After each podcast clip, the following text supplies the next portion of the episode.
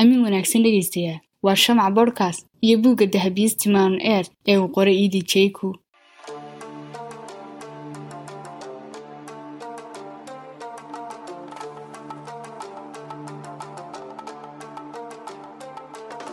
dahabiistimanon eer waa buug xasuus ahaan uu qoray iidi jeyku oo ku dhashay waddanka jarmalka gaar ahaan magaalo lagu magacaabo laabsig sannadkii kun sagaal boqol labaatankii iidi siduu sheegay waa mid ka mida dadyowgii ka badbaaday xasuuqii tilar ku filiyey yuhuudda dagaalkii labaad ee adduunka wuxuuna kaga sheekeeyey marxaladii uu soo maray ilaa yaraantiisii oo igu horeeyaan noloshoodii wanaagsanayd dadaalkii aabiya naxariistii hooyadii. Wuxuu sidoo kale ka warramay sidii ay ehelkiisa uga qayb qaateen dagaalkii koowaad ee adduunka una aaminsanaaye inay ahayn muwaadiniin jarmala waxauu sheegay qoraagu inuu yaraantiisii jeclaa inuu noqdo dhakhtar laakiin ardayda jarmalku ay lahaayeen goob loo diro si loo ogaado hibooyinkii waxay ku fiican yihiin loona sheegay inuu ku wanaagsan yahay xisaabta iyo indhaindheynta kuna soo baxay injineernimada. Waana sababta ka dambeysay inuu barto cilmiga injineernimada sannadkii kun sagaal boqol saddex iyo soddonkii. Iidi wuxuu dhameeyey dugsiga sare kuna biiray dugsi kale isla magaaladiisi ku yaalay wuxuuna sheegay inuu sii wadan lahaa dugsiga ilaa intuu sideed iyo toban sano ka gaadhayay si maalin maalmaha ka mid ahayd loo sheegay inaanu sii dhigan doonin dugsigan maadaamuu yahay yuhuudi aabihii u qaadan waayey arrinkaa wuxuuna u ballanqaaday wiilkiisa inuu waxbarashadiisa sii wadan doono. Waraaqa been abuura ayuu aabihii u sameeyey. Wuxuuna u soo helay aqoonsi dhaasho uu lahaa wiil yaroo jarmali laguna magacaabi jiray walter shliif wiilkaas oo isagiiyo reerkiisuba ka guureen jarmalka markii naasiyiintu la wareegeen talada dalkaas. Magacaas ayuu ku joogay kuna dhammaystay waxbarashada ilaa uu ka gaadhay heer lagu abaalmariyey. Hase ahaatee waxaa gudaha markasta ka dhibi jirtay inaanu lahayn magaca uu sheeganayo yahayna yuhuudi waxauu sheegay in muddadii uu dhiganayay waxbarashada ka fog qoyskiisa uu aada ugu xiisay waalidkii. Kuna keliyeystay culaysada nololeed markasta uu la xidhiidhayay waalidkiina. Uu la dhuuman jiray kula hadli jirayna meel fog. Aabihiina wuxuu u sheegi jiray inay aada u adagtay si maalin uu mahad celin doono. Wuxuuna dhah iidi aqoontii aan dugsiga ku bartay. La'aanteed ma noolaadeenba.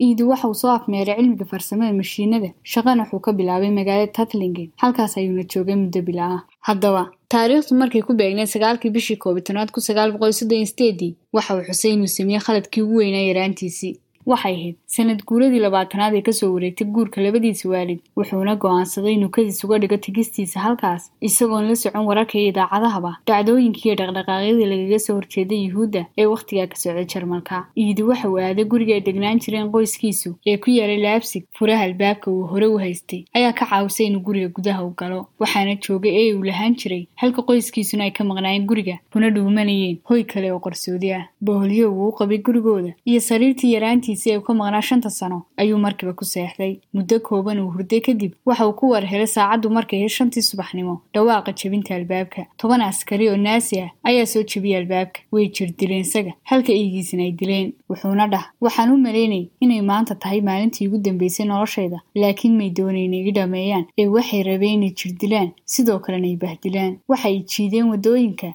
waxayna doonayeen inaan makhraati ka noqdo. Burburka loo geystay gurigaygii laba boqol oo sano jiray ee jiilka qoyskayga ku ababay. Amintaa waxaan waayey sharaftaydii xorriyaddaydii iyo iimaankii aan ku qabay bini-aadantinimada waxaan waayey wax kasta oan u noolaa. May ahayn naasiyiinta kuwii keliya naga soo horjeeday sajaarkii asxaabteedii way ku jireen kuwii biliqada iyo rabshada waday. Markay bilaabeen gaadhiga lay saaro iyadoo meel fog lay wado dhiigguna ku darsamay ilmada wejigayga. Waxaan joojiyey inaan ku faano inaan ahay jarmal manay dhicin mar labaad. Intaa kadib waxaa la geeyey xerada buukenwad daawacyada uu qabay darteedna isbitaal baa isaga loo gudbiyey laguna daweynayey wuxuu weydiiyey kalkaalisadii ka war haddaan baxsan lahaa. Kalkaalisadiina waxay ugu weydiin celis waalid ma leed haabuu dhah waxayna u sheegtay in haddii uu baxsan lahaa ay waalidkii raadin lahayn amintaasba u dili lahaayeen. Isagoo sheegay in jawaabteedaas maskaxiisa ka saartay. Dhammaan fikradii uu ku rabay baxsashada. Markii dib loogu celiyey xerada buukenwad wuxuu ku bartay halka asxaab kala duwan oo xirfadlayaal ah saaxiibkiisa ugu fiicnaana wuxuu ahaa kaart wiil jarmaloo yuhuuda kaasoo ka soo jeeday baarliin lagana soo qabtay kristan naakh wuxuu xusay rafaadkay xerada buukenwad lahayd.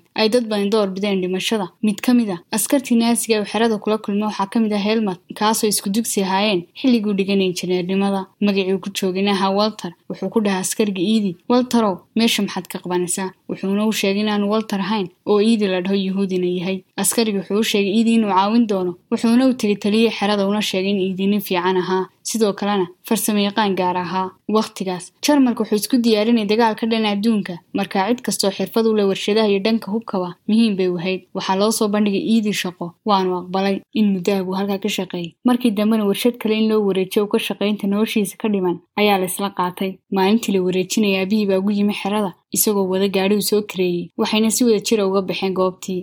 Sida ballantu ku jirtay. Waxay ahayd in aabihii geeyey warshad diyaaradaha odisega ku taala taasoo farsamo yaqaan ahaan uu uga shaqayn lahaa sitaa beddelkeeda gaadhiga waxay u jeeyeen xagga xuduudka si ay u baxsadaan. Hooyadii walaashii weli magaaladii laabsig bay ku noolaayeen. Qorshuhuna wuxuu ahaa in iyaguna ka daba yimaadaan si ay dalka biljim ugu midoobaan mar kale. Wax alaaba may wadeen. Keliya taqdar yaroo lacag ayay siteen si haddii askartu u baadhaan aanay khatar u gelin. Waxay la kulmeen kuwo mukhallasiina lacag bay siiyeen si loo geeyo biljim sitaa beddelkeeda waxaa la geeyey netherland waxaana loo sheegay sidii ay ugu gudbi lahayn biljim iidii way u suurto gashay inuu gudbo. Inkastoo aabihii aanay u suurto gelin isla habeenka sadib ayuu ka yimi waxayna ku kulmeen biljim intaa kadib hooyadii iyo walaashii oon weli iman bay waceen. Sacid kalaa telefoonkii ka qabatay. Waxaana loo sheegay in haddii ay soo noqon waayaan hooyadii iyo walaashii la dili doono. Markiiba wuxuu go'aansaday iidii inuu laabto si aabihii baa u diiday. Ugu dambayna saddex bilood kadib ayaa hooyadii iyo walaashii la soo daayey kolkii wadaxaajood laga gaadhay xidhnaanshahooda hooyadii iyo walaashiina mukhallas bay u tageen.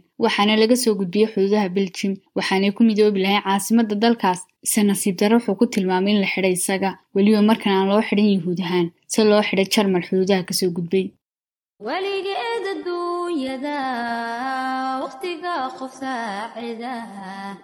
Midna waayaha xira labadaasi waxaan ahayn hore looga waayo waa nin iyo waagi aniguna wisiisiga waxa loo hayaa igu wacaan waxyeelada wiish bay la sara tegay xerada cusub markii la geeyeyna wuxuu u qoray dowladda biljim warqad codsi oo ah inaanu ahayn jarmal naasiintan aanu la shaqayn ee uu yahay yuhuudi haddii ay u ogolaadaanna uu bari doono dadkooda cilmiga farsamada mashiinada way u ogolaadeen halkaas ayuuna joogeen muddo ah oo subax kasta kala hayay taariikhdu markay ahayd kun sagaal boqol iyo wuxuu sheegay in jarmalkii ku soo duulay biljim xasiloonina ay ku dareemi waayeen qaxoontigii halkaa joogay.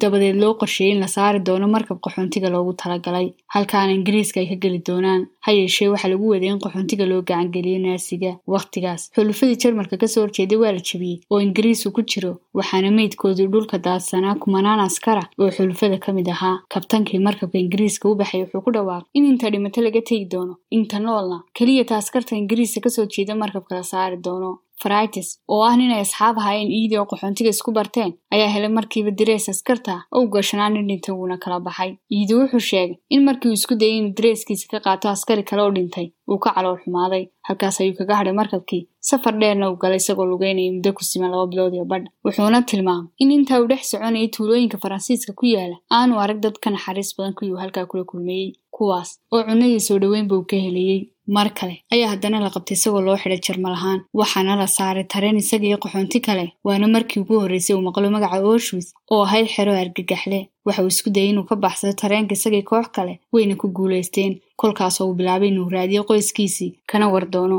Waxa uu la xidhiidhay nin ay aabihii saaxiib ahaayeen oo hore aabihii ugu wargeliyay haddii xubnaha qoysku ay kala irdhadaan ay ninkaas la xidhiidhaan maadaama ninkaas ka shaqaynaya saldhig. Mansabkiisuna uu ogolaa inuu helo warar badan. Waa uu la kulmay ninkii waxaana looga warramay waalidka xaaladooda iyo halkay ku sugan yihiin. Way kulmeen qoyskiisii waxayna mar kale ku midoobeen caasimadda biljim muddo ku dhow koob iyo toban bilood bay wada joogeen qoyskiisa oo hoy dhuumashaha ku noolaayeen. Sidoo kale shaqo qarsoodiha ayuu ka shaqayn jiray habeenkii si nolol maalmeedkooda uga soo saaro. Wuxuuna xusa inay ahayd wakhtigiisa ugu fiicnaa uu noolaado. Si kastoo cabsi iyo duruufi u jirtayna la jirka qoyskiisu kala weynaa. Maalin maalmaha ka mid a ayay askarta yimaadeen hoygii ay degnaayeen waalidkii walaashii waa la kaxeeyey halka isagana guriga ay ku sugeen markiuu yimi ayaa la geeyey saldhiga waxaana la saaray isagii qoyskiisa yuhuud badanba gaadiid. Safar qaatay sagaal maalmood iyo sideed habeen waxaana soo wajahay cunno iyo biyeyariba isagoo xusay in aabihiisu xilqaamay inuu biyaha iyo cunnadaba u kala qaybiyo. Dadkii ku jiray qaybtooda taasoo keentay in laba ka mid un ka dhintaan. Halka qaybihii kale afartan boqolkiiba ka dhinteen dabadeed waxaa la soo gaadhay halkii loo waday oo ahayd xerada aushwitz waxaana dadkii loo kala qaybiyey laba saf dadka waaweyn iyo kuwa dhallinyarada ah xoogga ah. Waalidkii waxaa la raaciyey safka dadka waaweyn halkaysna saf kale la geliyey wuxuuna isku dayay inuu dhex raaco safka aabihii waana laga soo reebay. Markii uu sababta weydiiyena waxa u sheegay in aabihii qof weyn yahay oo gaadiid kala saarayo halkaysna dhallinyaro yahay uu socon karo waana sabab aan ku qancay ayuu dhahay. Intaa kadib boqol iyo afartan iyo sideed qof oo ku jira iidi ayaa xerada shaqaale looga dhigay. Laba cisho kadibna wuxuu weydiiyey askari askarta ka mid ah waalidkii halka la geeyey wuxuuna tusay meel konton mitir u jirtay xerada oo qiiq ka baxayo. Qiiqaas baxayaana ay yihiin dadkii la qaaday oo waalidkii ku jiray. Murugo iyo caloolyow baa u bilaabmay isagoo ka sheekeeyay xusuusihii waalidkii iyo wakhtiyadii wanaagsanaa uu la soo qaatay. Waxaa xerada ku wehelinaya saaxiibkii kaar oo weheliya rajo u ahaa dhimashadii waalidkii kadib halka walaashiina uu kula kulmay xerada berye kadib ogaadeen inay nooleed. Sidoo kale wuxuu ka sheekiyey qaabkii loola dhaqmi jiray xerada dhaxantii darneyd jilaalku watay cunayaradii ku sababtay miisaanuun xaddhaaf ah xanuunadii la soo darsi jiray dad badan iyo tacadigii diltoogashadii lagu waday dadkii xerada ku jiray dhacdooyinka kale ee xusay waxaa ka mid ah marna cunnada ka mid ahayd loogu daray sun taasoo ka daray markii is yidhi cun. Kolkii uu baadhayna ogaadeen qofka ay ku sababaysa hadhow inaanu sii tarmin. Halkaasna uu isaga daayey dhanka kale. Jarmalka waxaa ku soo wajahna xulufadii ka soo horjeeday waxaana naasigii soo wajahay cabsi taasoo keentay inay ka saaraan qaxoontiga xerada waxayna si xidhiidha u soconayay muddo saddex shaac saaxiibkii kaar wuxuu awoodi waaya inuu sii socdo naasiyiintuna qofka socon waaya xabad bay ku dhufanaya isla wakhtigaaba iidi saaxiibkii meel ayuu ku qariyay dad kalena ku dhuumanayeen halkaas baana isku nabadgeliyeeyeen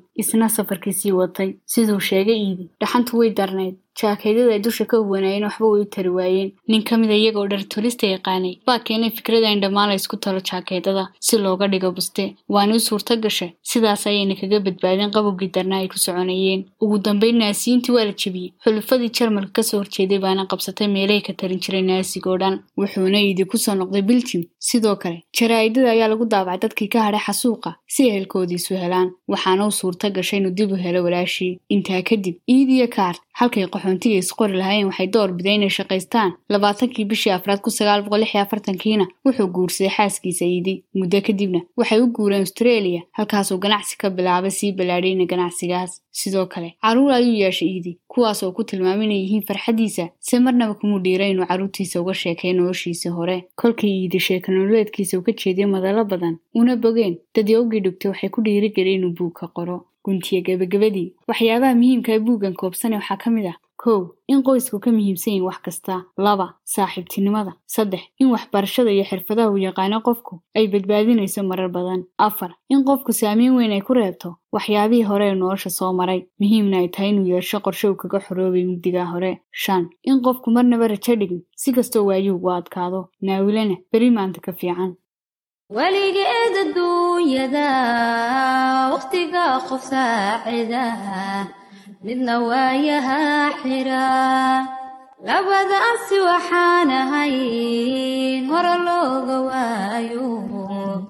Waa nin iyo waagii aniguna wasiisiga waxa loo hayaa igu wacaan waxyeelada wiish bay la sara tegay